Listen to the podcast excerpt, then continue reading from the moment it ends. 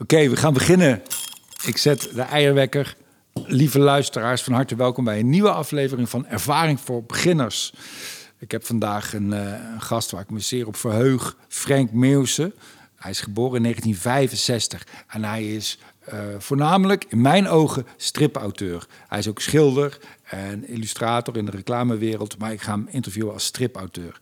Hij studeerde aan de Gerrit Rietveld Academie en de Rijksacademie van Beeldende Kunst in Amsterdam. Hij expo exposeerde zijn schilderkunst in binnen- en buitenland. Hij heeft de zwarte band karate. Maar hij moet niet denken dat ik bang voor hem ben. Kom maar mee naar buiten, jongen. Um, hij woonde in, uh, onder andere in Kyoto, in Japan. Hij is geïnteresseerd in Oosterse filosofie. En hij heeft twee schitterende graphic novels op zijn naam staan. Zen zonder meester uit 2017 en uh, Jaar Nul uit 2020. Frank, van harte welkom. Dankjewel, Theo. Fijn dat je er bent. Ja, je hoeft niet bang te zijn hoor. Ik ben, ik ben niet bang, ik ben niet gewelddadig. Oh ja, ik ben niet bang, jongen. Oké, okay, nee, ik dacht, ik zeg het toch even. Ja, je bent niet gewelddadig. Nee, zeker hmm. niet. Um, oh, wat heb, je, wat heb je twee schitterende beeldromans geschreven, Frank? Uh, het was een genot om te lezen. Um, ik vond je laatste jaar nul. Ik ben zelf ook een beetje wat later uh, vader geworden, net als jij. Mm -hmm. Ik vond het heel uh, ja, herkenbaar, ontroerend ook. Maar ik vind het leuk om het eerst even te hebben over zen, over ja, zen, over zen zonder, uh, zen zonder meester. Um,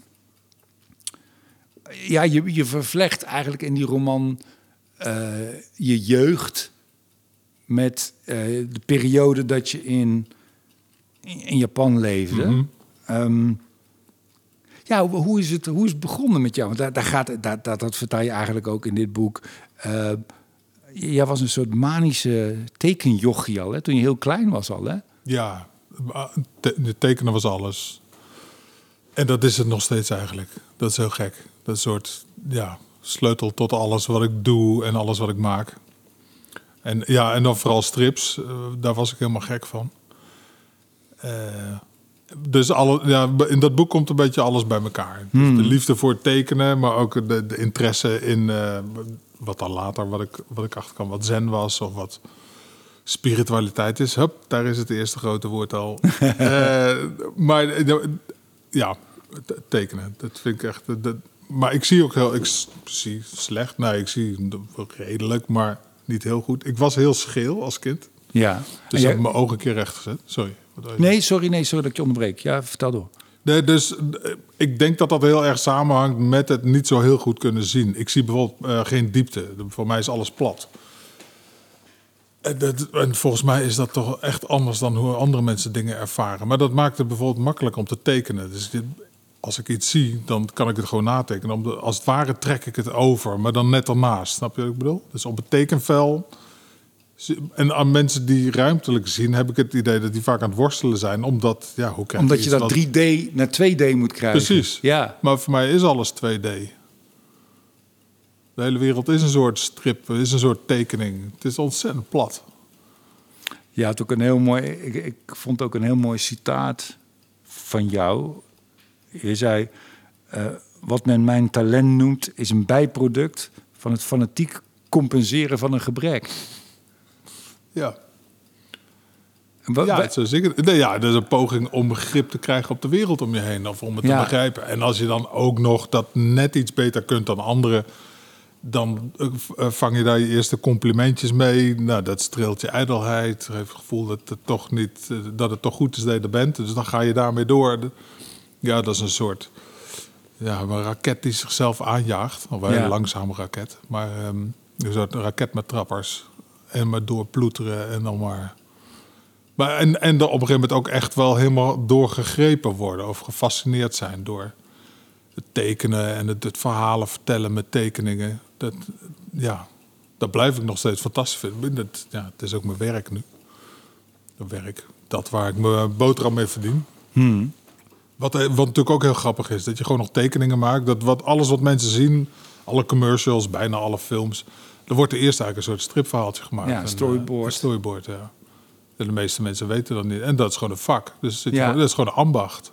Ja, dat vind ik geweldig. Want het is wel raar, want bij de meeste mensen, bijna iedereen heeft als kindje getekend, maar Mhm. de meeste mensen, de meeste fatsoenlijke mensen, die houden daar op een gegeven moment Ja. gewoon mee op. Die Ja. gaan met, zich bezighouden met grote mensen dingen. Ja, Maar jij bent blijven tekenen. ja. Ja, nee, absoluut. Dat is ook heel gek. Je ziet ze allemaal wegvallen en jij blijft dan alleen. Ja, dus dan ben je ook de koning in dat koninkrijk Ja. natuurlijk. Waar echt niemand meer geïnteresseerd is. Totdat ze dan een gek nodig hebben die dat wel nog kan. En dan bellen ze jou weer.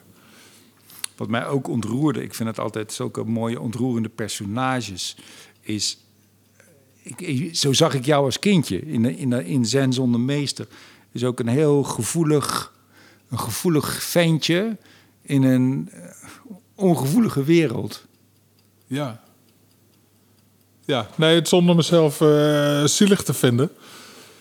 Maar ik, dat vind ik ook iets heel interessants. Dat, dat, en ik zie dat nog steeds. Ik heb vaak het idee dat mensen het niet zien. Dat hoe hard de wereld is en hoe hard die ook was, en, en maar ook altijd is. Ehm, ja, dat blijft me toch wel verwonderen. Wat, wat wij in onze cultuur en onze samenleving proberen aan te harken. En een soort romantisch idee creëren van hoe de wereld in elkaar zit.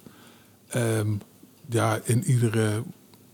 Overal is strijd en dood. En in wel zo niet te overziene hoeveelheid. Als je daarover nadenkt. Dat- ja. Het- En daar- als mannetje dacht ik daar al wel vrij snel over na, ja.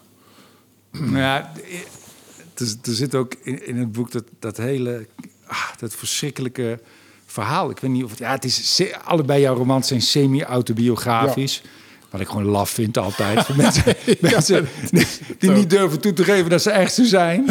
Ja, mijn Duitse uitgever zegt er ook... ah, schijt uit met dat semi oh, Ja, Noem gewoon nou? die namen. Ik zeg, Ja. ja. ja, ja, maar... Het is ook niet voor mezelf. Het kan mezelf echt niks schelen. Het is meer om de mensen in je directe omgeving... dat die dan altijd nog een soort heel dun vitragetje hebben van... nee, nee, nee, het is, het is niet helemaal één op één. En dat helpt. Het ge- Het geeft je wel de mogelijkheid om toch een element van fictie eh, in te verwerken. Maar wat je net vertelde, want in, in, dat, in, dit, in, in Zen zonder meester zit ook dat verhaaltje van dat klasgenootje van jou, dat, dat ettertje, die, die eh, ik, wil, ik wil niet te veel verraaien, want mensen Ja. moeten het echt gaan kopen en gaan lezen. Maar die een kat, j- jullie kat vermoord, is, dat, is Ja. dat, ja, het is een stomme vraag, maar ik wil het toch weten, is dat echt gebeurd? Ehm, nee, dat is, eh, nou, het gebeurde wel. Ik weet ook, Ja. Maar ik ken dat eigenlijk meer van verhalen die mijn vader vertelde. Oh, gelukkig. wat vroeger gebeurde. En Ja. eigenlijk in, de, nou, mijn, de- in die tijd dat ik zo oud was, 70 jaar, denk ik dat dat niet meer gebeurde. Zouden mensen toch iets gevoeliger wo- worden in de loop der jaren? Want ik herinner me ook van de verhalen van mijn vader... ook dat ze ook eh, kikkers opbliezen ja, en zo. precies. Ja, dat, kan- maakt. ja. Dat kan me niet voorstellen dat mensen... Ja, je zal nog ergens Nee, dat je dat voor de lol gaat doen. Nee. Maar- nee. Nee, dat klopt. Dat zijn eh, inderdaad verhalen van mijn vaders generatie. En, de, en kikkers op blazen was ook echt denk ik, een plattelands eh, ding. Ja. Ja, maar ja, als je opgroeit ook weer in de natuur die keihard is en eh, verveling. eh Hmm. 50 jaar eh, oorlogen meegemaakt. Ehm, ja, ik denk dat die, dat die kinderen toen gewoon nooit, ja, allemaal getraumatiseerd waren natuurlijk ook. Echt gek. Lu- Lukt het je door te tekenen? Want je, ja, dat is ook een- al bijna weer een cliché... Van dat Ja. je eh, door te tekenen grip krijgt op de werkelijkheid. Hoe- Is dat zo? Krijg je, krijg je grip of weet je me ook een beetje te, te ontsnappen? Ja, het is allebei. Je ontsnapt in het tekenen, dat is, dat is absoluut zo. Dat is een hele eigen wereld. Ehm, maar als je de fundamenten van het tekenen probeert te beheersen, dan- al wil je een auto tekenen of, of Mappert een ei, wat ik hier hoor tikken, dan op het moment dat je dat begrijpt hoe het in elkaar zit, heb je toch het gevoel dat je een beetje grip hebt. Dat je toch een beetje de basis onder de knie begint te krijgen. En denk je, ah oké, zo zit het zo in elkaar. Maar goed, dan kun je alleen nog maar een ei of een autootje tekenen. Dan heb je maar één model en dat is dan alweer te oud en te langzaam. Ja, je komt er ook achter dat je het nog helemaal niet kunt. Hmm. Daar heb je natuurlijk heel veel stappen in. Nou ja, dat zeggen ze toch ook. Dat hoe meer je weet, hoe meer je weet dat je, hoe weinig je weet. Ja, Dat je ja. steeds meer in contact komt met dat wat je niet weet. Ja, je, ziet- je ziet hoe klein dat, hè, dat tuintje is waar jij bezig bent. Maar ja, dat is ook niet erg. Dat je dat, Ja, hoeveel boeken kan ik nog maken? Dat vind ik bij veel te laat begonnen. Dus daar denk ik nu ook wel af en toe over na. Maar ja, eerder kwam het er niet uit. Of eerder had ik het niet bij elkaar. Of was het idee er niet. Had jij leraren op de, op de lagere school al die, jou, uh, die jouw talent zagen en die jou hielpen of stimuleerden? Ja, dat werd wel gekoesterd, moet ik zeggen. Dat is wel, uh, er zijn er gewoon wel een paar die me dan nog helder voor de geest staan. Die dan, ook omdat ze volgens mij niets met me aankonden. En mijn moeder vertelde onlangs weer een verhaal wat ik helemaal vergeten was. Dat een buurvrouw mij had zien lopen en dan mocht ik gewoon een boodschap doen. Want ik was al klaar met alle oefeningen doen. En dan mocht ik, bij een broeder was dat uh, in de klas. En, maar dan mocht ik ook gewoon vaak een tekening gaan maken. Of op het schoolbord tekenen, dat soort dingen. Dat werd wel, ja, dat werd wel gezien. Dat is denk ik wel hele, hele belangrijke voeding, toch? Voor een talent. Dat, dat, dat het uh, gewaardeerd wordt en dat je, dat je complimentjes krijgt. Ja, ja dat, dat, dat, ja, dat schijnt dan uh, pedagogisch zijn ze daar nu weer niet over eens. Hè? Dat complimentjes goed zijn of niet. Ah, het heeft met dosering te maken natuurlijk. Oké, ja, dat is waar. Ik, ik, ik heb wel eens een, een, een, een reportage gezien over op, moeilijk opvoedbare jongens. Mhm. En dat was een Marokkaanse jongen en die kon heel goed... Uh, dat zie je wel eens vaker op straat trouwens. Die jongens heel goed uh, op één wiel kunnen fietsen. Mhm. Die gaan dan stijgen en Ja. fietsen. Dat vind ik ook altijd fantastisch Ja, ik, uitzien. ik heb het nooit onder het knie. Ik ook niet. Nee, nee, Nee. Maar die kreeg van die groepsleider kreeg die complimentjes dat hij dat zo goed kon. En toen vertelde hij dat hij van zijn vader nog nooit een compliment had gehad. Die was, was er helemaal, vond ik zo, zo, zo mee te doen met die jongen. Ja, ja, absoluut. Ehm, jij ging naar de middelbare school.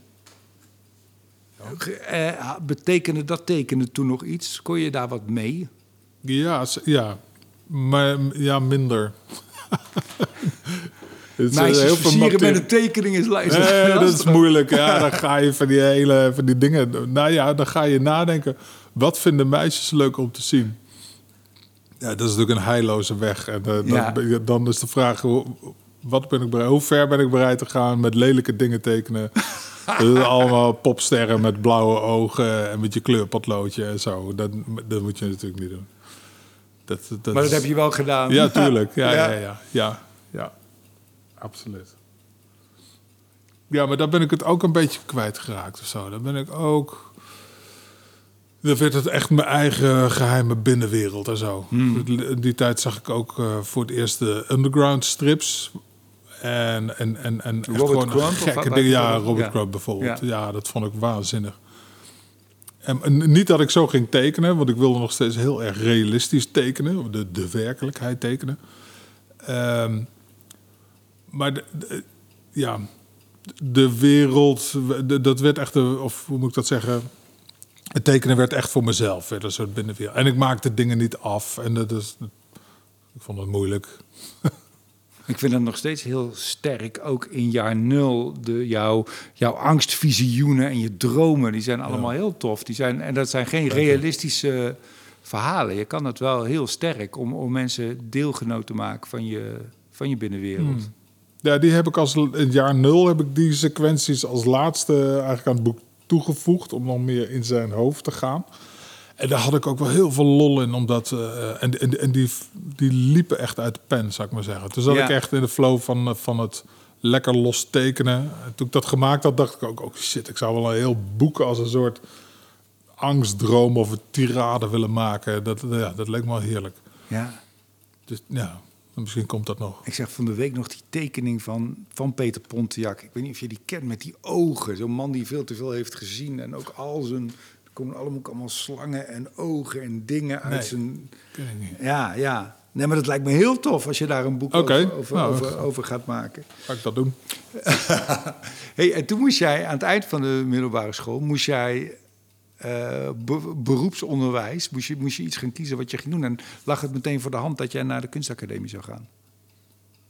Nee, eigenlijk niet. Nee, maar ik, ik was eigenlijk gewoon een drop-out. Daar heb ik ook nog altijd de zwak voor. Als ik het zie, eh, op- welk eh, moment dan ook. eh, mensen die gewoon niet in dat systeem kunnen meelopen. De middelbare school is natuurlijk ook gewoon echt gewoon een ramp. Hoe je jonge, vooral jonge mannen, daar heb ik dan. eh vrou- wat er vrouwen omgaat, weet ik eigenlijk nog steeds niet. Maar dat je, dat je als je lichaam zo aan het veranderen is en je hersens en je, alles is nog niet af. Je in een schoolbank zetten en allemaal Ja. informatie in je hoofd proppen. Dat is toch gewoon, zelf, ja. dat is toch niet te doen. Dat is toch gewoon, ondertussen de, bergen testosteron worden aangemaakt waar je geen raad mee weet. ja, man. En dan moet je, moet je gaan vertellen over de thema's in, in de boeken van, Ja. van Harry Mulisch. Ja, Ja, terwijl er naast je een meisje zit waarbij je de, borsten zi- ziet groeien. Ja, ja, toch? ja, ja nee, ja, maar een, een, BH-bandje is denk ik al genoeg. Wat Ja. boven een, kraagje uit, eh, uitkruipt. Ja, Ja, dan word je gewoon helemaal... Het is gewoon je, in je hoofd. is het een ontploffende eh, Robert Crump oog. eh, ja, je, dat is nou, niet te doen. Dus ik had toen... Nou ja, dan zet je lekker in de kantlijn alles te tekenen. Maar alles moet, want die informatie moet op die, op die bladzijde. Maar alles wat er in jou gebeurt, dat prop je in die kantlijn van het, eh, van dat schoolschrift. Ja. Die stonden ook altijd helemaal vol. heb en je ook die op een nog? gegeven moment ook de schoolboeken. Heb je die nog? Die Nee, volgens mij. Nee, ik Oh, zal eens zoeken. Ik heb Ja. wel, ja. ja, helemaal vol gekladderd. Of gekladderd, ja. Met, met samengeperste big blauwe angstdromen, verlangens. De, de, de meest gegeten pen van Nederland, eh, Big. Die, uh, Dat die was een reclame, een goede reclame. Ja. En, maar er was ook een moment blijkbaar dat je dacht van... maar ik kan hier mijn, van dit ge, ge, gestoethaspel, kan ik, kan ik mijn werk maken? Of kan ik, kan ik een opleiding gaan volgen? Hoe, hoe is dat nee, dat duurde heel lang. Nee, daar ben ik echt wel een paar jaar zijn er tussenuit gevallen. Want dat was HAVO, maar oh, wat, moet ik de mensen hier echt mee lastigvallen. En ook nog allemaal verschillende scholen in Nijmegen. HAVO, MAVO, toen weer HAVO, toen het volwassenenonderwijs. Toch, maar want ik kon natuurlijk wel leren. Ik was niet helemaal achterlijk. Dus iedere keer lonkte toch weer dat Ja, je diplomaatje, studeren, interesse in filosofie. En dan denk ik, oh, maar misschien studeren of toch naar de kunstacademie afgewezen worden. Omdat ik alleen maar strips bij me had. Die niet af waren. Dat ze ook zeiden, ja, je moet daar iets mee gaan doen. Maar ja, ik wil... Ik, wat waarom je daar naartoe zou willen gaan, is om je ambitie te bevredigen. Ja. En dat is dan om artiest te zijn. Of om, Ja. Ja, je, je kunt gitaar gaan spelen omdat je van muziek houdt... of omdat je op meisjes indruk wil Hmm. maken. En nou ja, kan ook wel samen gaan. ja, dat zou het beste zijn. dat zal ook vaak zo zijn. Maar ik behoor eigenlijk wel tot die laatste groep. Dat je, dat je om de verkeerde redenen dingen gaat doen. Dat is Ja. eigenlijk wel... Ja. Dus eigenlijk ook strips een beetje in de steek gelaten over tekenen. Ja, En ook omdat je denkt of hoopt of verwacht dat je op een academie iets leert wat je dan nog helemaal niet kent. Of zo. Hmm. Dat, je, dat je denkt van ja, dit is maar tekenen wat ik doe. Maar nou, het schilderen en kunst, ja, dat is, dat is hoger, dat is beter. Laat ik me daar... kan ik mooiere vrouwen mee versieren. Nou ja, het is natuurlijk wel zo dat op de academie hele mooie meisjes zaten. Ja. Dat was natuurlijk wel zo. ja. Dus dan, ja, zal die kunst ook wel beter zijn. Maar to- toen heb je een, paar, je hebt een paar jaar in de horeca gewerkt. Of wat, wat heb je gedaan dan, die periode? Nee, toen was het best wel een makkelijke tijd in Nijmegen... waarin je eh, geen sollicitatieplicht had en gewoon een uitkering. Er was een enorme klaploper. jeugdwerkeloosheid. Wat Een klaploper. Ben toen Werkschuw tot thuis. grote ontsteltenis van een aantal eh, ooms of verjaarspartijtjes... die dan toch altijd wel een beetje meewarig naar je keken van... Ja, wat, wat zijn we nou aan het doen, Frank? Wat, wat is dit nou? Eh, Met je uitkering. Maar ja, er was ook geen werk natuurlijk. En, maar dat was wel heel mooi dat je een beetje dingen kon uitproberen. Eerst dacht ik dat ik schrijver wou worden. Toen was ik aan het schilderen. Dacht ik dat ik dat moest doen. Ehm, ja. Maar het lijkt alsof je mij niet wil vertellen... alsof je schaamt van hoe je op die Gerrit Rietveld Academie bent gekomen. Oh ja? Ja. Nee, ik merk dat terwijl ik het aan het vertellen ben... dat ik allemaal beelden van mezelf zie voorbij komen uit mijn eigen leven. En dat ik denk, oh, willen mensen dit wel horen? Nou ja, het is wel- goed. Weet je waarom het goed is, denk ik? Omdat er... Ik bedoel, ik maak dit ook voor mensen die ook misschien wel in die positie zitten, zitten te kloten en die weten wat ze met hun leven moeten en die in die modderpoel zitten te Ja, hansen. dat is waar, ja. En ergens ook een talent voelen. En ik bedoel, daar gaat het altijd over. Er, Oh, zijn ja. maar weinig kunstenaars die... eh, waarbij het allemaal lekker loopt en hoppakee... en dan gaan we dat doen en dan een schitterende carrière hebben. Het is dat, dit, dit gehannes... Daar, is, daar blijkt bij jou in ieder geval... en ik denk bij veel meer mensen... een, een uitweg te zijn. En, en nu liggen hier twee schitterende graphic Ja, novels. dank je. Heerlijk als je dat zegt. Dus hier is het nou juist om te doen. Oké. Ja, nou, dat is inderdaad gewoon een. Wat, het ding is bijvoorbeeld, toen bestonden eigenlijk graphic novels bijvoorbeeld nog niet. Nee. En ik had ook nog niet genoeg in mijn hoofd om, eh, om een verhaal te maken of om een boek te schrijven. Ik wist te weinig over verhaaltechniek. Eh, ik kon eigenlijk gewoon nog niet goed genoeg tekenen.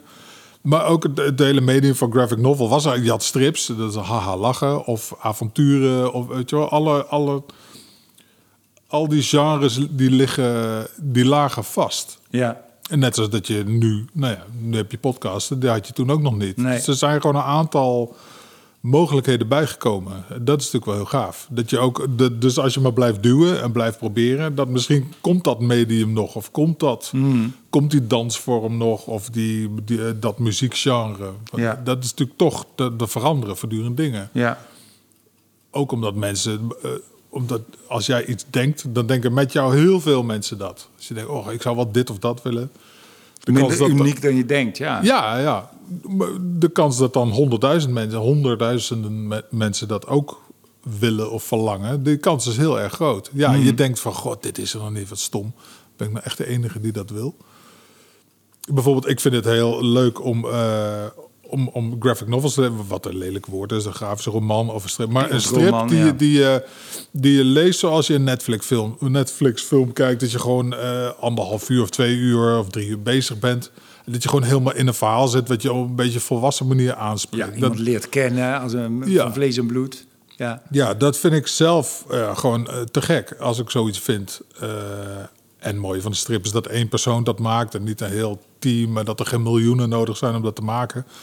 Eh, wat wil ik daar nou over zeggen? Dat, eh, nou, dat, dat is wat ik zelf hartstikke leuk vind. En toen dacht ik, nou, dat wil ik maken. Of dat, dat wil ik zelf, daar wil ik zelf ook mee bezig zijn. Dat is wat ik nu dan doe. Of probeer te doen. Hey, en toen heb je, want dat is, ja, je hebt best wel lang gestudeerd. Want die Gerrit Rietveld Academie, die is vier jaar, denk Dat ik. is vier jaar, ja. En daarna heb je nog op die Rijksacademie, dat is toch, dan mag je eigenlijk nog twee jaar een beetje klooien Ja. en uitproberen, toch? Ja, ja. En ehm, heb je daar, heb je op de, op de Rietveld, heb je goede docenten gehad waar je wat aan hebt gehad?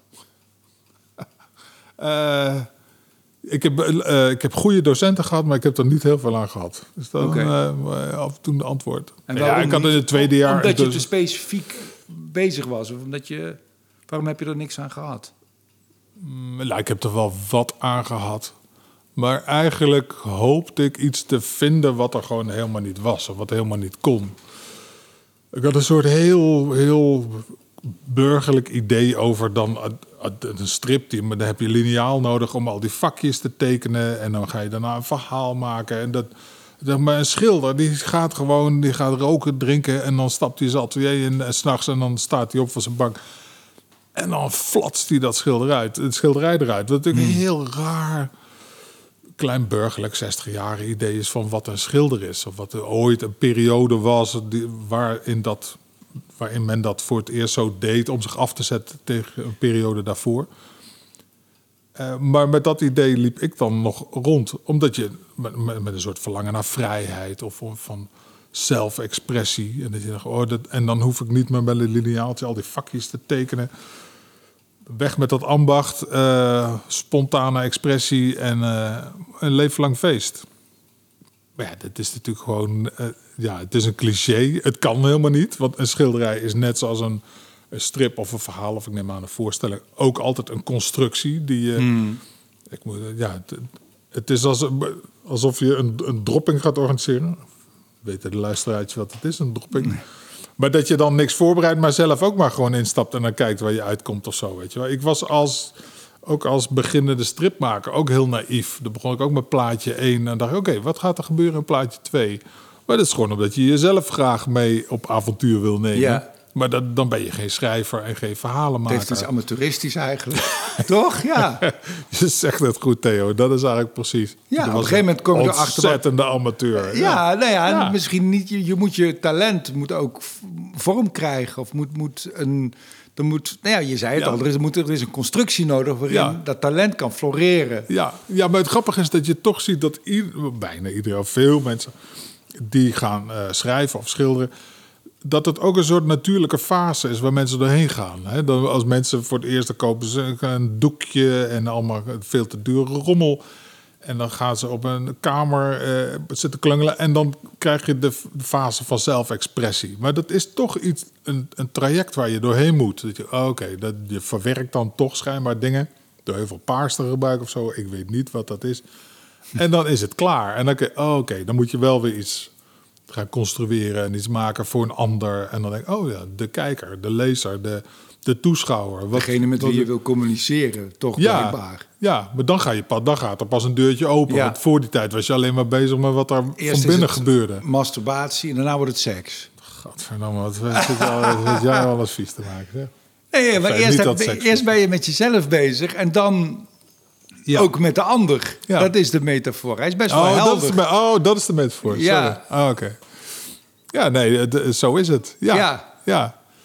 ja. je, dus eigenlijk verken je eerst het gereedschap. Want je kunt het moeilijk aan iemand anders aanbieden als je je eigen gereedschap nog niet kent. ja. Ja. Alleen je bent je misschien op dat moment nog niet bewust van het feit dat je je gereedschap aan het ontdekken bent. Je denkt dat je eigenlijk al lekker bezig bent. Ja, precies. Want dat is en natuurlijk dat is ook goed, want anders zou je het niet doen. Misschien. Ja. Het is misschien ook wel een soort van, van eh, een soort anarchistische inslag. Want je wil juist weg uit die wereld van de mensen op een kantoor die dan zo'n baan hebben met heel veel structuur. Ja. En je wil juist weg van die structuur. En dan kom je ergens en dan overcompenseer je dat door helemaal los te gaan. En da en, maar dat, dan ben je eigenlijk alleen nog maar aan het ontdekken, je instrument. Ja. Ja, ik, ik denk maar een beetje mee. Hè. Ja, ik ja, ook ja. een Nee, ik, te ik, denken, ik, ik luister naar je. Ik, ik vind het wel... eh, ik moet, ja, dat systeemplafond zie ik opeens weer voor me. Dat je, nog voor corona... Oh, corona. Eh, we hebben een internetverbinding, dus je kunt heel makkelijk thuiswerken. Maar toch is het vaak zo dat opdrachtgevers wel heel graag hebben dat je langskomt. En ik denk dan altijd dat ze dan onbewust toch eh, iets hebben van... Als ik hier onder dat systeemplafond moet zitten, dan kom jij hier maar ook mooi zitten, vriend. Want, eh, ja. ja, ik kan me er ook wel iets bij voorstellen. En daar, maar ja, goed, je bent door die periode heen gekomen, van dat Ja. geklooi met jezelf. En toen ontdekte je langzaam maar zeker dat er meer voor nodig was om een verhaal te vertellen, Ja. om een boek te maken. Ja. En, en wat, wat zijn die dingen die daarvoor nodig zijn? Ja, het boek is echt begonnen. Jaar nul dat e- mijn eerste boek. Dat kwam echt als Ja, een nul is je idee. tweede boek, toch? Eh, sorry. Ja. Goed. Goed dat ik erbij ben. Jeetje, man. Ja. Oh, dat wordt erg. Eh, nee, het is helemaal niet zo erg. Eh Zen zonder meester. Dank je. Dat begon echt met een idee, maar ja, wat je daarvoor eh, nodig hebt is. ehm, eh, je moet een beetje kunnen tekenen, terwijl, ik denk dat veel mensen daar eigenlijk te veel tijd aan besteden. Zo heel goed hoef je niet te kunnen tekenen. Je kunt met luciferpoppetjes ook een verhaal vertellen. Dus het eerste wat je nodig hebt is een idee. En het tweede is, ja, voor mij dan. ehm, hoe, hoe, hoe zeg ik dat nou heel eenvoudig? Maar Het is heel gelaagd. Dus er zijn verschillende dingen. Je hebt, je hebt gewoon het, het ambacht van een verhaal vertellen. Wat ik een mooi ambacht vind. Misschien wel een van de aller, allerleukste. Eh, dat teken je. Maar ik probeer ook wel altijd een soort... Ik denk na over een onderwerp of over een hoofdstuk. Maar dan zoek ik altijd wel naar een invalshoek... die het voor mezelf spannend maakt om over iets te vertellen. Dus het is nooit één op één... eh, en dat is een ander ding nog wat een strip kan. Wat geen enkel ander medium zo goed kan, nou, film misschien... is dat je tekst en beeld los van elkaar haalt. Dus dat, het nooit, dat je nooit vertelt... en toen liep hij... Eh, toen stond hij op een plank en dat je dan die, die voet en die plank tekent. Dan moet je het net iets anders tekenen, Ja. zou ik maar zeggen. Ja, En daardoor krijg je dan twee... ehm, ik zit nu met mijn handen twee dimensies. te bewegen. nee, Twee, twee go- golflengtes of zo. Ja. Die dan, Ja. die dan de- door elkaar eh, gaan dansen. Hmm. En dat is een hele leuke afwisseling en, sp- en spannend om dat te weven eigenlijk. Ja, ik herken het. Het is eigenlijk een soort, als ik die boek lees, het is bijna een soort, omdat die twee, hoe, welk woord gebruikte jij nou net? Dat vond ik een goed woord. Twee, Golflengtes? twee golflengtes Ja. zijn, word je op een bepaalde manier een beetje overprikkeld en kun je niet anders dan meegaan in dat verhaal. Kun je er niet helemaal naar blijven kijken, maar word je erin gezogen volgens mij. Ja. ja, dat overprikkeld w- weet ik niet. Eh, Daar ga ik over nadenken. Want de grap is natuurlijk met een strip dat je, je moet al heel veel zelf invullen tussen die plaatjes. En als je daar dus een bepaald ritme in aanbrengt, dan, dan kom je in die cadans van dat verhaal vertellen. Want dat vind ik eigenlijk het allermooiste, als je Ja. als ik dat voor elkaar krijgt. Wat ik ook heel goed vind aan, eh aan Zen meester... is dat, dat vind ik heel prettig. Dat vind ik heel prettig als ik naar een cabaretvoorstelling kijk... naar een stand-up comedy. Maar ook dus naar, als ik zo'n graphic novel lees... dat ik mee word genomen op iemands eh, zoektocht... Ik heb het idee dat dit ook een, een boek is. Nee, je tweede trouwens ook. Dat, dat, dat het een avontuur is waar jij zelf in zit. En het voelt alsof jij ook niet geen, nog geen eindconclusie hebt. In ieder geval niet aan het begin van het boek. En dat je, dat je samen met jou op een hele prettige manier... want jij moet dat allemaal doen en ik kan er lekker op meesurfen... Ja, op, op die zoektocht. Ja, ehm, ja leuk. Nee, ik, het is zo gek om, om, ehm, om over die boeken als een soort buiten jezelf eh, te gaan staan. Maar het is heel, inderdaad heel dicht. Het staat heel dicht bij mezelf. Ik, dat wilde ik ook wel echt. Heb ik ook over nagedacht van. ehm, het is in Nederland best eh, moeilijk om, om, ehm, om een, ja, hoe zeg je dat? Het publiek te bereiken. Ja, dat klinkt zo stom. Maar Ja, het, is- het is ja, jammer het is dat hier. Het, het is jammer dat mensen hier op een gegeven moment zijn gestopt met strips lezen. En dat dingen worden afgedaan. Nou ja, dat, dat- het is een stripfiguur of het is. een- Dus ik dacht, als ik dat nou heel dicht bij het echte leven hou, dan, dan blaas je als het ware zo'n boek leven in. Dat is Ja. eigenlijk de gedachte die ik had. En dat is dan ook het idee erachter om dat heel autobiografisch te maken. Want ik had de hoofdpersoon ook eh, eh, Jan of Piet kunnen noemen. En dat Ja. gewoon over iemand anders maken die wel een hele mooie bos met haar heeft. Of Ja. een gezellige krullen. En, maar dan verliest het voor een verliest het zeggingskracht volgens mij. Dat denk ik verliest ook. het, ja. Ehm, dus dat is de keuze om dat dicht bij mezelf te houden. En nou ja, dat is een gouden regel over schrijven. Dat je moet schrijven over wat je kent. De, ja, ook het, daarin houd ik het dicht bij mezelf. En me, echt mijn eigen interesses, zal ik maar zeggen. Ja. Dus ik interesseer me in spiritualiteit en eh, in zen. Ehm, en wat ik weet, vertel ik. En wat ik niet weet, daar, daar, ja, dat laat ik ook zien. Of wat Ja. ik denk wat niemand weet. Of waar, ja. Ik vond het mooi om echt... Want het is natuurlijk eigenlijk gewoon veel te ambitieus en veel te groot. Het is natuurlijk een waanzinnige onderneming. Eh, maar dat vond ik ook wel, stoer, spannend. Ja, nou, en ik vind het uiteindelijk niet te groot, want het is niet pretentieus, omdat je zegt het precies goed. Je kan vertellen van wat je weet en wat je niet weet, ja, dan vertel je ook. Dus dan is het eigenlijk, vind ik het niet te groot. Dan Nee. te- overtil je je niet. Oké, ja, dit is bijvoorbeeld grappig. Ik vind eh, het boek, eh, of de boektitel Zen en de kunst van motoronderhoud, vind ik misschien wel de beste boektitel ooit. Maar ook omdat dat heel grappig is eh, om zo'n titel te hebben. Dus Zen zonder meester dacht ik, oké, die wil dat worden. Dat vind ik een goede titel. Maar dat schrikt ook heel veel mensen af. Ja, Ja, dat is, want die, ik vind dat grappig dat het een beetje ook iets heeft van een zelfhulpboek. Daar speel ik dan soms ook mee. Want dat is een genre wat dan eigenlijk niet kan. Net zoals de strip, weet je wel. Dat hoort niet bij de literatuur. Maar dat vind ik dan juist, ja, dat vind ik dan juist leuk om daarmee mee te spelen. Heb jij dingen gevonden in Zen waar, eh, eh, waar creatieve mensen iets aan hebben? Is daar een overlap? Heeft het iets met elkaar te maken? Spiritualiteit en creativiteit? Ja, ja, absoluut. En of dat dat voorbehoud is aan zen, dat denk ik niet eigenlijk. Eh, daar, daar zit het wel in. Maar goed, zen is een heel groot begrip. Het is eh, historisch gezien dan een, een, een periode in, in Japan, wat dan eigenlijk ook Chan heet en niet zen. Eh, je kunt een leraar zo, wat ik allemaal zeg, dat moet je niet doen. Maar ik zou het liefst willen hebben over gewoon dat hele eenvoudige idee van zen, wat mensen zeggen als ze het hebben over zen. Van, eh, oh, ik was helemaal zen. Dan hebben we toch een idee van wat we daarmee bedoelen. Van, ik was in het moment. Ik verloor mezelf in wat ik aan het doen was. En deed het toch met, met aandacht. Dat vind ik eigenlijk eh, al heel erg mooi. Als je dat voor elkaar krijgt. Dat, en of dat je dat dan spiritualiteit noemt of niet. Maar ik geloof wel dat dat een... een, eh, een, een, een ja, begnadigde toestand is.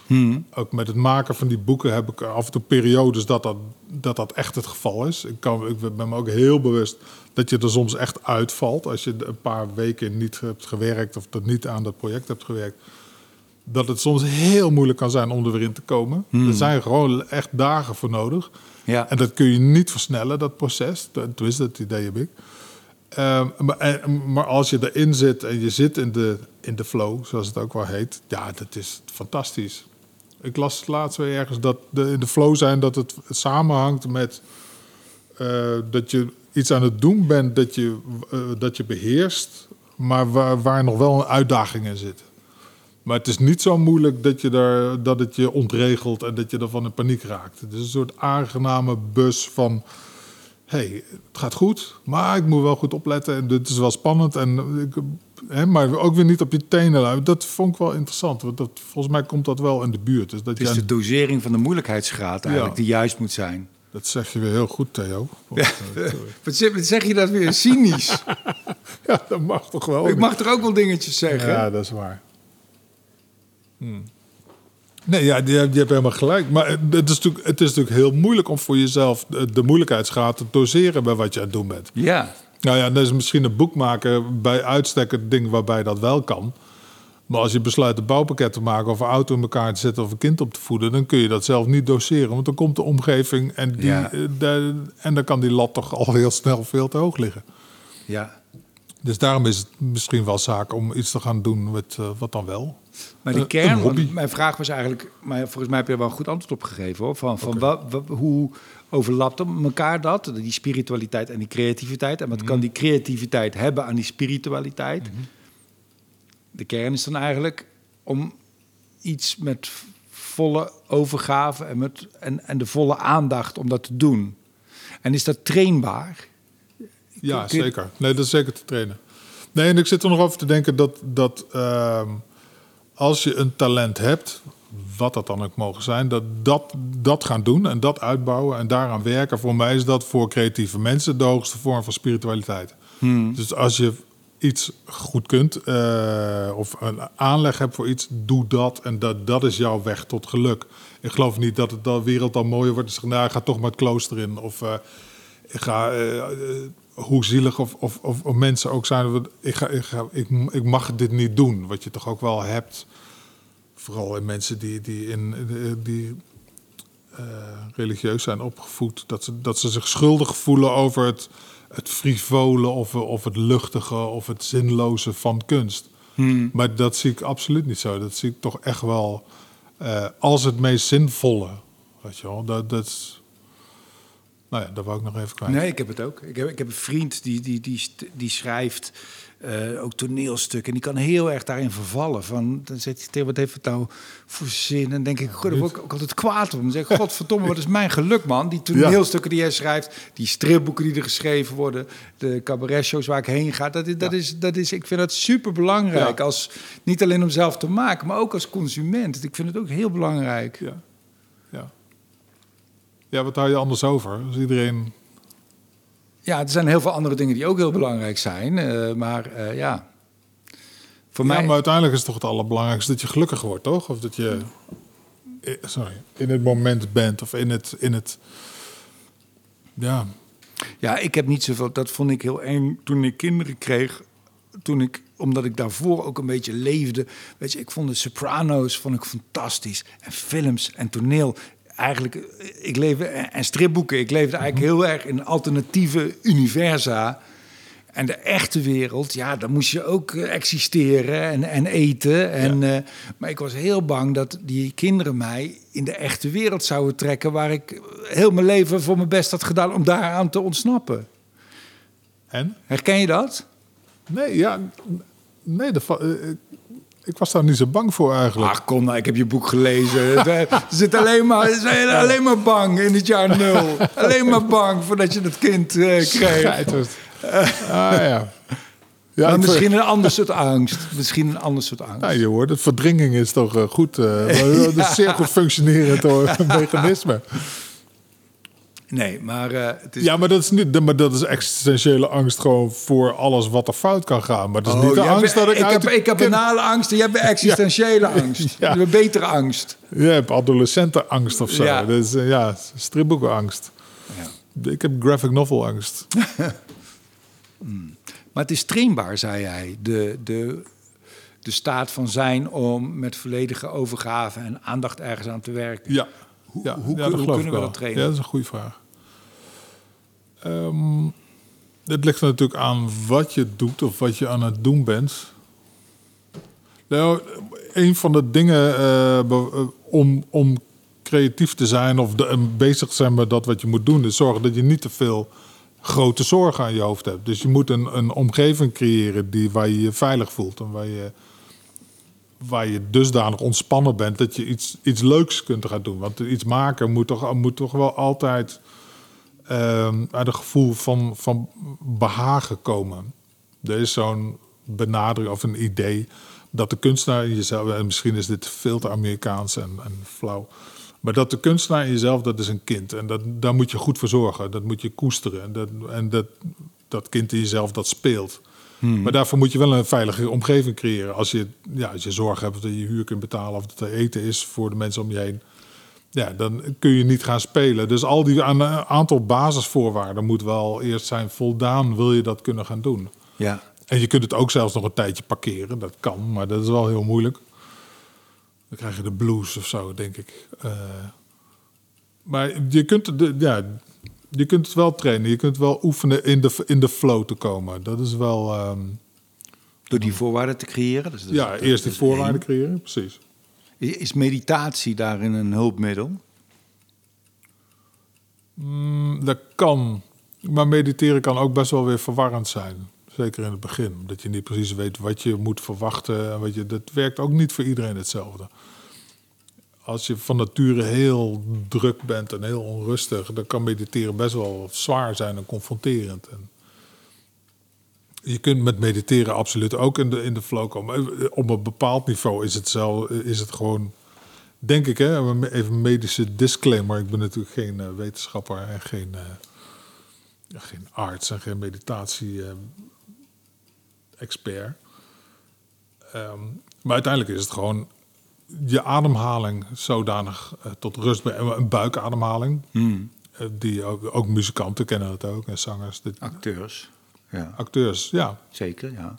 Ik heb dat gewoon geleerd. Ook en cabaretiers ook? Uh, Schaar jij jezelf bij de acteurs? Nou, ik heb een ja, je acteursopleiding gedaan. Ja, ik heb oh, dat gewoon geleerd. Buikenademhaling, ja. zeker. Ja.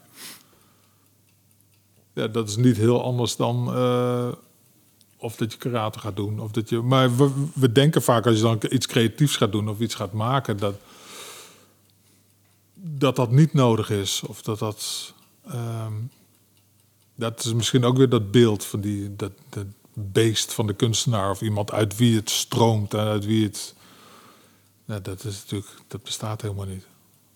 Heb jij die, die vragen die jij zelf stelt, hè? en ook als, als kindje eigenlijk al, ook uh, en, en je fan zijn van zen en de kunst van het motoronderhoud. Die, die vragen van waar het leven nou eigenlijk over gaat. Mhm. Heb, je, heb je daar inmiddels een, een klein beetje ook antwoorden op gekregen? Of gevonden? Of ben je nog zoekende? Nee, ik zoek niet meer. Maar dat wil niet zeggen dat ik, dat ik het gevonden heb. Misschien ben ik maar gewoon uh, gestopt met zoeken. Ik ben gewoon andere dingen aan het doen of leuke dingen aan het doen. Ja, ik zou zeggen tegen de mensen, lees het boek. Nee. Uh, ja, maar dat klinkt zo pretentieus van ik heb het gevonden. Maar eh, ja, uiteindelijk denk ik dat toch wel, ja. eigenlijk, ja. De vraag is eigenlijk, ben je verlicht of niet? Nou, dat vroeg ik niet echt. Nee, dat is waar, dat vroeg je helemaal niet. ben je, je verlicht? Heb je het gevonden? Ja, dat denk ik wel. Maar dan in de zin van uh, als je dat allemaal achter je laat, of als je, dat, als je daar klaar mee bent, als je die tocht uh, hebt doorgemaakt, ja, dan kijk je wel uh, anders naar de wereld. Of dan, dan zie je, ik kan me wel een paar momenten herinneren in mijn leven dat ik dingen anders of helderder ging zien. Hmm. En één keer was het natuurlijk een jaar of twaalf vast dan, of dat je opeens in een andere in een andere werkelijkheidsbeleving terechtkomt. Maar dit klinkt echt zo verschrikkelijk vaag. Nou ja, dan, nou, misschien kun je het specificeren. Wat, wat, was dat voor op dat moment toen je 12 was? Ik kan me herinneren dat ik de buurt waar ik uh, opgroeide, dat ik daar in mijn eentje uh, uit wegfietste. Misschien was ik dan nog jonger of ouder, dat weet ik niet precies. En in een andere buurt terecht kwam, op een plein. Ik heb vaak ook wel het voorkeur voor pleinen en open plekken. Dat vind ik op de een of andere manier heel mooi in een, in een stad of in een ruimte. En dat ik me opeens realiseerde, hé, hey, ik stap... Het was echt als... Uh, alsof, alsof ik een bubbel was uitge, uitgefietst of uit mm -hmm. het fietsen was. Een uitsmeerwaardige nieuw besef van... hé, hey, ik stap gewoon... Het was alsof ik mijn eigen leven instapte... of de echte wereld instapte. Uit de beschermde cirkel van mijn ouders... of van het ouderlijk huis. Hmm. Het voelde als een hele diepe ervaring. Misschien was het. Ja, een intense gewaarwording. Ja, van, uh, ja. Intens zelf leven. iemand zijn. Ja, dat ik kon kiezen van... ik kan terug die bubbel in... of ik kan nu gewoon... maar ik kan ook gewoon verder... en ik kan er links en rechts. Ik ben helemaal vrij hier... Ja, mooi. Ja, dat was een mooi, uh, mooi moment. En je hebt meer van dat soort momenten gehad. Ja. Ja. Ja, maar ook heel veel momenten dat ik het echt allemaal totaal niet wist. Nee, tuurlijk. Ja, dat snap ik. Het is zo, uh, het is, uh, het is zo moeilijk dat ik vaak gereedschap op het verkeerde moment inzet. Weet je wel? Dat heb je wel eens dat je in je gereedschapskist kijkt en dat je dan dat wat je nodig hebt niet hebt. En dan sta je weer met een, met een sleutel te hameren of met iets anders te vroeten en te frikken. Ken je dat? Dat je dan. Ja. En zo heb je, zijn er momenten dat je aan uh, heel koppig zijn en enorm doorzettingsvermogen, heb je op sommige momenten helemaal niks aan. Nee, Als je bijvoorbeeld op power, op kracht doorgaat. Ja, ja, ja het wordt alleen maar, ja. De, en dan gaan dingen alleen maar kapot. De, en en hè, maar je wil niet opgeven, maar je, in bepaalde, op bepaalde momenten en bepaalde milieus heb je eigenschappen die worden dan gezien als, als goede en mooie eigenschappen. Die ga je cultiveren, maar daar heb je in een ander, ander milieu helemaal niets aan. En, de, en dat zijn van die momenten als ik dat zie, dat wordt je eigenlijk best weinig verteld. Kun je daar een concreet voorbeeld van geven? Van, van zo'n nou, als je bijvoorbeeld, uh, het is maar een, een, voorbeeld, maar dat je als je komt uit een, uit een uh, arbeidersmilieu of, of, of, of een, een, een, wereld van, van mensen die houden van aanpakken en van, van laten zien van hé, hey, ik knok voor de zaak, weet je wel, mm. onze gezamenlijke zaak een, een, kunstenaar heeft daar niet zo heel veel aan, of een dichter of artiest. Want die moet gewoon op de, op de bank gaan liggen. En die, moet, en die gaat wachten op goddelijke inspiratie. de, maar dat ja. zijn heel verschillende uh, benaderingen van het idee van... Uh, hoe kom je tot een idee? Hoe kom je tot inspiratie? Wat is een mooie levenshouding? Hoe, hoe sta je in het leven? Ben je, ben je, ben je laconiek of cynisch of ironisch? Of want als je alleen maar doorbuffelt, dan kun je al die andere dingen niet, niet voelen, niet ervaren. Niet, de, dan mis je heel veel uh, emotionele rijkdom. Hmm. En of dat, dat nou verwerpelijk is of niet, dan kun je weer een decadente dichter of schrijver worden. Dat je dan beschrijft hoe verwerpelijk je bent. En, maar dat zijn allemaal uh, ja, mensbeelden die voor die harde werker, hè, dus hard werken en kunst, dat, die verhouden zich niet zo heel erg goed. Mm. En ja, dat zijn van die dingen die. Ik had vaak de. Ja, ik heb het, misschien heeft het daarom zo lang geduurd voordat ik een boek af had. Daar moet je dan wel weer doorzettingsvermogen voor hebben om een boek van uh, meer dan 200, 300 pagina's te maken. Dus dan komt het wel van pas. Maar op andere momenten weer helemaal niet. Ja. En dat vind ik wel, ik, ja, dat vind ik wel interessant. Want weet jij wat de omstandigheden zijn om ideeën tot je te laten komen? Om het zo maar, te zeggen. Wat zijn de ideale omstandigheden voor jou? Hmm, dat is een goede. Ja, open, openstaan, open, open zijn. En inderdaad met vanuit een soort rust. Um, want je krijgt dat altijd op diezelfde gekke momenten. Hè? Toch best vaak als je doucht, krijg je een ja. idee. Ja. Dat is toch heel merkwaardig. Ja. Dat je Stro gewoon... Dan stroomt het al. Ja, dan stroomt het, dan glijden, dan, dan rollen de dingen van je af. Dat stromende water, dat is toch wel heel magisch. Eh, wandelen is een van de allerbeste dingen. Ja, nu, nu ga ik naar een niveau van truttigheid. Dat, is- dat, dat is nog niet eh, eerder vertoond. Het was nog spiritueel rock and roll. Nu zijn we godverdomme aan het wandelen. Ik ben ervan overtuigd dat lopen en wandelen... dat die heel erg samenhangen met het verhalen vertellen. En er zit iets in een tempo waarin de wereld aan je voorbij rolt als je loopt. Nee, ik rijd veel motor. Dan, heb ik, dan ben ik helemaal in het moment, maar ik krijg eigenlijk geen ideeën. Nee, want je moet opletten. je moet ontzettend goed opletten, omdat je anders inderdaad ergens onder zit of iemand anders onder jouw brommer. En als je wandelt, dan de, het- de, het tempo waarin dingen aan je voorbij komen, is, is voor mij hangt heel erg samen met het tempo waarin, en die van mijn gedachten, dat zullen wel heel langzame gedachten zijn, waarin die ook komen en weer gaan. En dat tempo waarin je dan de stad of de omgeving beleeft, dat zit in een soort tred. Ik merk nu vaak als ik aan het schrijven ben en dan eh, is een hoofdstuk bijna af of half, of ik heb het idee staat er, maar dan moet ik hem nog goed afmaken of dan moet ik hem nog inkoppen als het ware. Als ik dan ga, ga lopen, dan maak ik gewoon een ommetje. En dan komt hij opeens. Dan Ja. denk ik, oh wacht, hij, eh, die, die doet dit of dat of zus of zo. Dat, dan valt die puzzel vanzelf in elkaar. En dat vind ik een van de allermooiste dingen. Dat je, dat je niet gaat zitten ploeteren en niet gaat zitten douwen, trekken en douwen. Maar dat het, dat het vanzelf zo op zijn plek valt. Ja. Ja, dat, dat is echt magisch van dingen maken en schrijven. En dat vind ik wel echt helemaal... te. Ik moet ook denken aan het beeld. Ik heb ook wel eens gehoord over dat... eh, je hebt hard werken en je hebt lui zijn. En dat het soms om een idee te krijgen... is het ook eh, tijd hebben om eh, naar het dobbertje te kijken van de hengel. En je kan niet afdwingen dat die vis gaat Nee. bijten. Maar je moet wel een beetje op dat, op dat dobbertje letten. En dat is je werk eigenlijk. En Ja. dat ziet er inderdaad heel lui uit. Maar Ja. dat is wel wat je moet doen soms. Ja, maar dat is wel heel moeilijk om, eh, om aan andere mensen uit te leggen. Het, het is zelfs moeilijk om, om het zelf te begrijpen, te bevatten. Maar als je alleen woont, is dat makkelijker om gewoon op de bank te gaan hangen. En dat je dat voorstadium van tot een idee komen of tot om iets te gaan doen.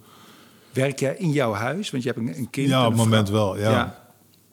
Ja, nou, eh, soms vind ik dat een heerlijke, vind ik dat de, de, de meest ideale werkplek. Ik kom, ben ik wel heel romantisch. Maar ik kan me als kind herinneren dat ik bij mijn moeder aan de keukentafel eh, zat te tekenen. En dat mijn moeder aan het koken was. En dat vond ik echt wel het ideale omstandigheid. Het leven om je heen. Jij zit in, dat, in die tekening. Maar, dat, maar de mensen zijn er wel. En die beperken jou niet in je concentratie. Je hebt er geen last van. Nee, nee, helemaal Nee. niet. Nee. nee, het is een soort bus waar je, ja, die fijner is dan alleen in een atelier zitten. Ja. Dat heb ik jaren gedaan en dan wou ik gaan schilderen. En, maar daar kwam er eigenlijk gewoon niet echt iets uit. Ik vind het ook steeds moeilijker worden om in mijn eentje. Ik vind het sa- saaier worden steeds. Naarmate ik ouder word om alleen te werken in een ruimte. Ja. Dat ik het ook, ook al heb ik dan goed gewerkt, voelt het toch nog ergens dat ik, dat ik het zonde van mijn tijd vind of zo. Dat ik toch blijkbaar hunker naar sociaal contact of zo. Ik weet niet wat het is. Ja, Tij- tijdens het werken bedoel je? Ja. ja. ja. maar die kleine interacties met andere mensen, al is het een woord of een geluid, of een, die, die prikkelen ook je brein weer om, om iets nieuws te, te Ja. bedenken. Dat is het stromende water, zou ik maar zeggen. Ik heb wel het idee dat je. Want ik heb natuurlijk je boeken gelezen. En dan, daarom ben ik, heb ik ook je, je worstelingen en zo ook je leven meegemaakt. Je hebt ook zo'n heel mooi verhaal dat je ook als jongetje. of Ik weet niet hoe oud je toen precies was, maar dat dat tekenen eigenlijk too much werd. Dat je eigenlijk gevangen kwam te zitten bijna in je tekendwang. Ja? Het lijkt wel alsof je nu heel erg eh, in, in, eh, in balans bent. Dat je nu op een heel fijn punt zit in je artistieke leven. Ja, ja dat eh, gevoel heb ik ook. Dat heeft ook wel heel lang geduurd. Ja. Ik, bedoel, ik hoop niet dat ik van... de- Nou ja, ik heb een fantastisch leven. Ik heb nu een geweldig leven. En het is ook geweldig om dingen mee te maken. Maar je moet nooit mensen vertrouwen die terugkijken natuurlijk. Nee, en vooral En de- die mensen die succesvol zijn en terugkijken. Dat is helemaal... Dat eh, zijn de ergste, ja. Nou, dan ben je bij mij aan het goede adres. Want, eh, ja... Nou ja, het boek is ook in, Du- in Duits uit, of allebei. Ja, dat las ik ook. Dat is leuk, toch? Ja, dat is hartstikke leuk. Nee, er komen nog wat talen aan. Dat, dat, ja, dat is wel te gek. Maar succesvol auteur. Maar ik bedoel, ja, ik ben, ik ben nu, wat ben ik, 55? Ja, dan, dan wordt het toch wel eens tijd, weet je wel. Dat, Ja, het begon ook gênant te worden. Laten we eerlijk zijn. ja, dat is het, ja, dat je dan nog met die stripboekjes bezig bent. Ja, geweldig. Is het, is het jouw nou ja, het is ook de titel van het boek natuurlijk, hè? Zen zonder meester. En dat kwam ik ook tegen in, ook weer in je boek, dat eh, volgens de tradu- traditionele zen-leer eh, zou iedereen, iedere leerling een meester moeten hebben. Ja. Als, als jij terugkijkt naar je carrière tot nu toe, had je misschien eerder dit punt bereikt van balans als je wel wat meer had aangenomen van, eh, als je goede le- le- leraren had gehad? ja, dat is wel een goeie. Als ik meer had aangenomen van mensen. Nee, ik heb wel geprobeerd echt te luisteren naar de mensen die ik tegenkwam. Maar ik kwam eigenlijk weinig mensen tegen. Maar ja, wat ik net zei over dat gereedschap, dat ik net het, altijd het verkeerde inzet op het verkeerde moment. Goh, ik denk daarover na. Ja, het gaat zoals het gaat natuurlijk. Ja. Ik denk niet, ja, de Cent zonder meester had ik niet veel eerder kunnen maken. En het is denk ik ook maar beter dat ik niet eerder vader ben geworden. Dus ook jaar nul had ik eh, niet eerder. Maar ik, geloof, maar ik ben het met je, ik herken heel veel dingen hoor. Ik, ik ben het daar mee eens. Bij de, de comedy train bijvoorbeeld hebben we ook, ja, ik doe dit ook al 30 jaar, dus je bent op een gegeven moment wel een routinier. Maar ik zou, ik wil alleen maar hè, met jonge comedians dat het wederkerig is. Ik laat me net zo inspireren Ja. door die jonge gasten als zij hopelijk ook een beetje door, door mij of zo. Ik geloof in die zin, in creatieve zin, geloof ik niet in hiërarchie. Nee. In de echte wereld wel. Het is goed dat iemand de basis en de verantwoordelijkheid heeft. Ik ben helemaal geen anarchist. Maar eh, in de creatieve wereld geloof, geloof ik wel. Nou, dit is geen vraag, het is gewoon een opmerking. Sorry. Nee. Mag ik nog laten? Ach, je staat waar. Ik zit de hele tijd naar water te kijken en dan vergeet ik dat het.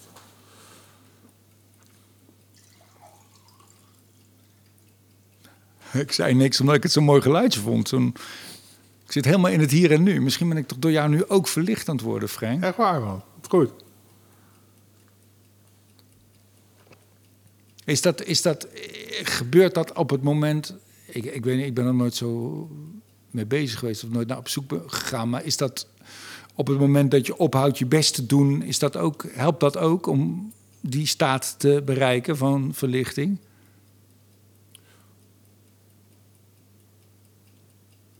Ik denk, nou, ik, ik, maar ik heb wel eens een show van jou gezien. En hoe jij in de wereld staat en om je heen kijkt. Heb ik niet de indruk dat, dat je het niet bent eigenlijk. Nou, ik ben ook wel een heel gefrustreerd mannetje in de, Ja? in de echte wereld. In het echt? Ja. Oh, ja? Ja, tuurlijk. Dan kan, ik allemaal, dan kan ik het allemaal zeggen zoals ik het wil zeggen. En dan is er niemand die me tegenspreekt. Heerlijk, zo'n monoloog. Oké, Nee, thuis ben ik gewoon een gefrustreerd mannetje. oké. Nee, ja. Nou, ik ben het in mijn boek. Misschien is dat eh, dan precies eh Ja, andersom. je alter ego. Ja, in het echt ben ik dus een heel warm, open, hartelijk persoon. En in mijn boek een gefrustreerde angsthaas. Nou, niet gefrustreerd. Je bent wel, je bent wel angstig in, je, in jaar nul als, als, eh, als jonge, als, als aankomende vader. Je bent ook wel heel, dat dacht ik ook van ja, semi-autobiografisch. Je bent, je bent inderdaad wel een beetje bangig, maar je bent wel zo ontzettend lief ook voor je, voor je vrouw en voor je kind. Ja, het is- Je, je schetst ook wel weer een heel mooi beeld van jezelf. Frenkel, zoals die heet in dat boek. Ja. Ja, het is misschien af en toe toch een beetje te zoet. Maar ja, nou ja, het, is, het leek me ook wel weer leuk om, om, om een, nou, een zoet boek te maken. Maar niet, ja, niet stoer doen. En, ja, maar gewoon, en nou ja, alles wordt ook gewoon gedreven door het verhaal of door de, de anekdote. Wat ik, ik schrijf het dan per hoofdstuk. En, en ja, ik vertel, ja, vertel het zoals, het zoals dat het komt, zou ik maar zeggen. Om hem nou de hoofdpersoon met heel ge- gekunsteld onsympathiek te maken Nee. of, of harder. Of, ja, dit is misschien ook een beetje een, eh, een zoet mannetje. Ja, ontbreekt de smaak bitter in het boek? Dat weet ik eigenlijk niet. Ja, dat laat ik dan weer andere mensen... Nou, in je angsten wel. In je, in, je angsten, in je angsten wel. En inderdaad van die cafébezoekers die, die Ja. cynisch commentaar leveren. Die laat ik de waarheid vertellen. De dronken, de dronkenlab, de oude dronkenlab. Maar dat is gek, hè? Dat hij dan toch voor deel nu gelijk lijkt het hebben. Of dat personage wat dan eh, beschrijft hoe, hoe de wereld is. En dit, eh, ik heb dit gemaakt nog voordat corona er was, eh, Hmm. de COVID. Wat natuurlijk wel een verschrikkelijke ellende is. Maar het, is ook gek dat je een... eh, ja, ik hou van het café. eh, dat ik nu die passages kijk... En denk ik, god ja, dat, dat is ook alweer een jaar geleden. Dat toch gewoon... eh, Jij bent nu bezig met je derde graphic novel, Ja. toch? Vertel je Ja, net van tevoren even. Ja. Die gaat over drank en drugs. Ja. nou, Wat ik wilde vragen eigenlijk is, is eh, wat heb je geleerd van deze twee boeken en wat ga je anders doen in die, in die derde? ik ga wel proberen het allemaal eh, nog sneller te doen. Het eerste boek heb ik drie jaar aan gewerkt. Het tweede boek, denk ik, anderhalf, twee jaar. Ehm, ik wil sneller tekenen, losser, eh, er nog meer lol aan beleven. Ik probeer eerder erin te zitten dat je daar... En het liefst zou ik het gewoon in, een, in één ruk eh In afmaken. een koortsdroom. Ja, precies. Ja, dat lijkt Ja. me fantastisch. eh. Zo is Taxi Driver geschreven. Hè? Die, is, Oh ja? die, die is ook in, een, in twee nacht, twee dagen helemaal eh, in, Oh een, ja? ja? in een waanzinnige Ja, sessie. dat is wel heel kort. Ja, Ja, nou ja. je kunt geen boek tekenen nee, natuurlijk. natuurlijk niet. eh, Omdat het gewoon ambachtelijk ja, werk is wat gewoon uren kost. Maar ja, je moet gewoon al die lijntjes... eh, Ik ben super benieuwd. Eh, ik maak nooit reclame, maar ko- koop de boeken eh Sen zonder meester en Jaar Nul van Frank Meeuwse. Je gaat er geen spijt van krijgen. Dankjewel, Frank. Vond het gek om met je te praten. ja, bedankt Theo. Hartstikke leuk.